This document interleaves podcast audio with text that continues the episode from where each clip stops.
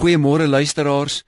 Ons het gistermôre gepraat oor wat die doel van ons lewe is en dat die doel van ons lewe is om die Here te loof. Vanmôre gaan ons daaroor praat dat aangesien dit die doel van ons lewe is om God te loof, laat ons sommer uitbrand vir hom in ons lof aan hom.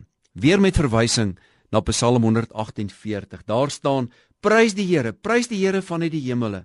Prys hom in die hoë hemel. Die ou Joodse geskrifte vertel vir ons dat daar 'n rangorde van sewe soorte engele is. Die gerubs is die tweede hoogste in hierdie rangorde, want hulle het volmaakte kennis van God.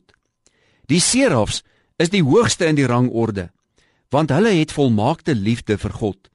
Dit is hulle wat dag en nag voor die troon van God sing: Heilig, heilig, heilig. Nou die serafs, so sê die legende vir ons, word gebore uit die stroom vuur wat onder die troon van God uitkom. Wanneer hulle die eerste keer heilig gesing het, vlam die liefde in hulle harte so sterk op dat hulle in vlamme uitbars en heeltemal uitbrand. Hulle moet dan eers weer onder die troon van God gebore word om die volgende heilig te kan sing. So herhaal die proses om oor en oor en oor. Dit is lofprysing. En ons moet dit doen vanuit 'n lewende verhouding met die Here. Moenie die beste van die geloof mis, naamlik om God met jou hele wese, met jou hele lewe te loof nie. Volgens C.S. Lewis beveel die Here ons om hom te loof, nie net ter wille van hom nie, maar ook ter wille van ons. Omdat hy ons so gemaak het dat ons in die daad van lofprysing die hoogste lewensvervulling ervaar wat menslik moontlik is. Ja, in 'n sekere sin is lof net soos die liefde.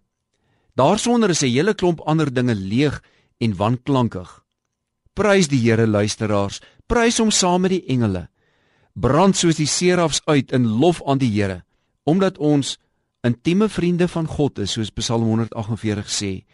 Omdat ons weet wie hy is, omdat ons weet wat hy kom doen het, omdat dit die doel van ons bestaan is. Ons Vader in die hemel, help ons om deur u Heilige Gees u te loof met ons hele lewe.